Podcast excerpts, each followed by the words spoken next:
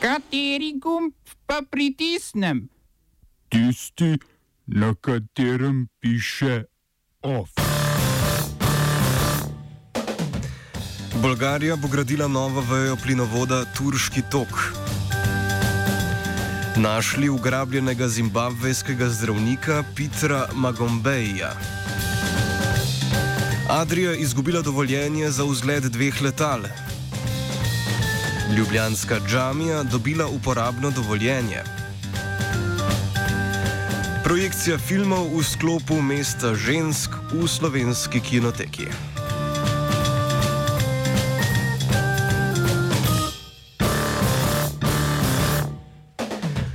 Dobr dan. Kiribati, otoška država v Mikroneziji, je prekinila diplomatske stike z vlado Tajvana.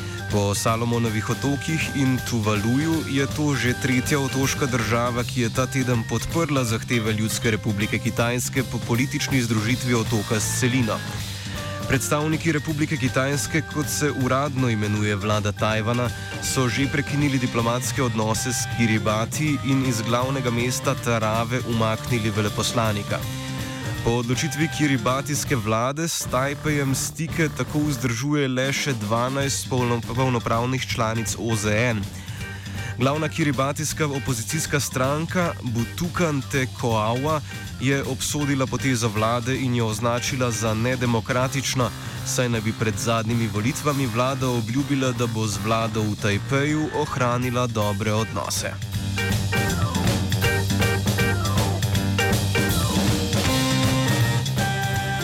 Bolgarska državna naftna družba Bulgar Transgaz je dosegla dogovor o gradnji novega plinovoda, ki bo prek bolgarskega ozemlja povezal turško in srbsko plinovodno omrežje. Nov plinovod bo del obsežnega novega plinovodnega omrežja imenovanega Turk Stream oziroma Turški tok, ki bo ruski zem zemeljski plin v evropske države dobavljal mimo Ukrajine.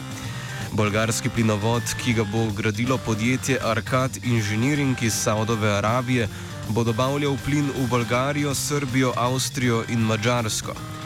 To je že drugi veliki plinovodni projekt bolgarske vlade, ki je v začetku letošnjega leta v sodelovanju z grško vlado začela gradnjo novega plinovoda do pristanišča v grškem Aleksandropolisu.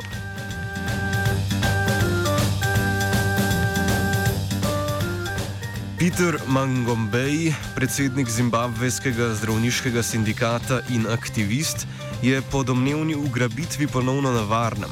Kot pravi, so ga prejšnji petek trije moški pretepli in ugrabili, na to pa v ujetništvu mučili.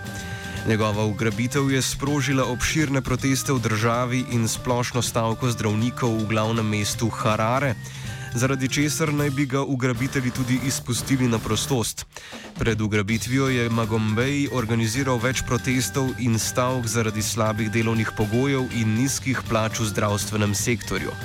Po besedah stavkajočih pri prevozu na delo za gorivo v enem tednu porabijo približno 80 odstotkov povprečne mesečne zdravniške plače.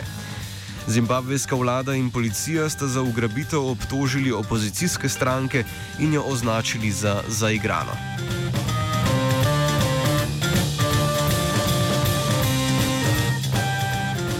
V izgnanstvu v Saudovi Arabiji je umrl nekdani tunizijski predsednik Zain El Abedin Ben Ali, ki je državi vladal med letoma 1987 in 2011. Takrat so protesti proti njegovi vladi v Tunisu sprožili tako imenovano arabsko pomlad, val protestov in revolucij, ki so zajeli večino arabskega sveta.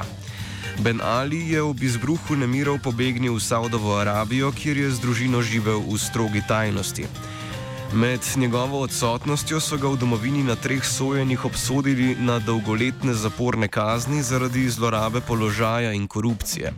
V Tuniziji so sicer ta teden potekale druge predsedniške volitve po tranzicijskem obdobju, ki je sledilo omenjeni revoluciji. Oba, če, če bom odgovoril na angliški. Slovenia will try to help. We can Slovenia will and we will do our utmost to say that the situation is our problem ourselves. and uh, We will make further steps as soon as the conditions are. bomo vlado Marjana Cererja, Mira- eh, Marjana Cererja Šarca podprli. uh, very, very serious. we know how and we will. Javna agencija za civilno letalstvo Republike Slovenije je zaradi neizpolnjevanja pogodbenih obveznosti prizemljila dve letali Adrije Airways tipa Bombardier CRJ-900. Adria je letali namreč najela od družbe Trident Aviation Leasing Services, ki je omenjeni letali ta teden zaradi neplačevanja obveznosti zasegla. Kot so na sestanku s predstavniki agencije povedali vodilni v Adriji, so ostale letalske operacije družbe vsaj za zdaj varne. Zaradi težav z letali so sicer danes odpovedali več letov v Švico, Avstrijo in Nemčijo. Poleg omenjenega postopka agencija sicer vodi tudi postopek za ohranitev operativne licence Adrije Airways.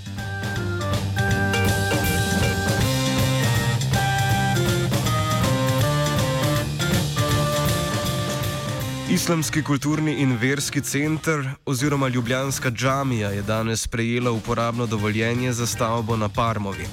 Stavba naj bi bila po besedah tajnika islamske skupnosti v Republiki Sloveniji Neuzeta Poriča dokončno opremljena do konca leta, ko bi se lahko v stavbi začele tudi molitve. Slavnostno otvoritev in uradno odprtje džamije pa po besedah muftija Nedžada Grabusa načrtujejo ob koncu muslimanskega postnega meseca maja 2020. Kot so povedali predstavniki slovenske islamske skupnosti, so zagotovili že vse potrebno financiranje za objekt, tako da morajo samo še izpolniti vse predvidene pogodbene obveznosti za njegovo dokončanje.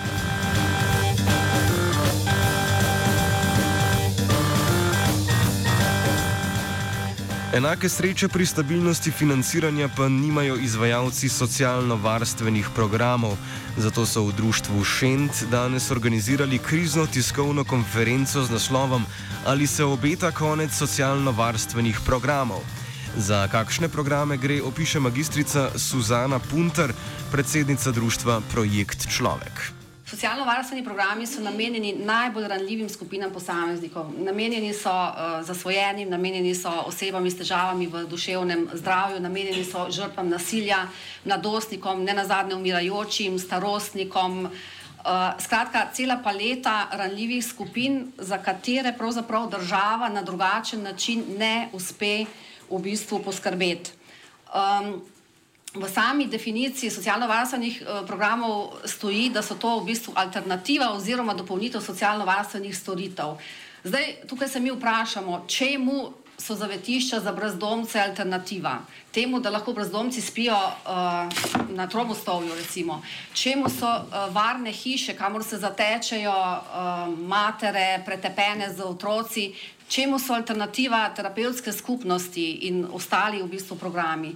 Skratka, um, država je uh, izvajalcem socialno-varstvenih programov uh, naložila, da v bistvu skrbijo za, uh, bom rekla, najbolj ranljive uh, uh, skupine posameznikov.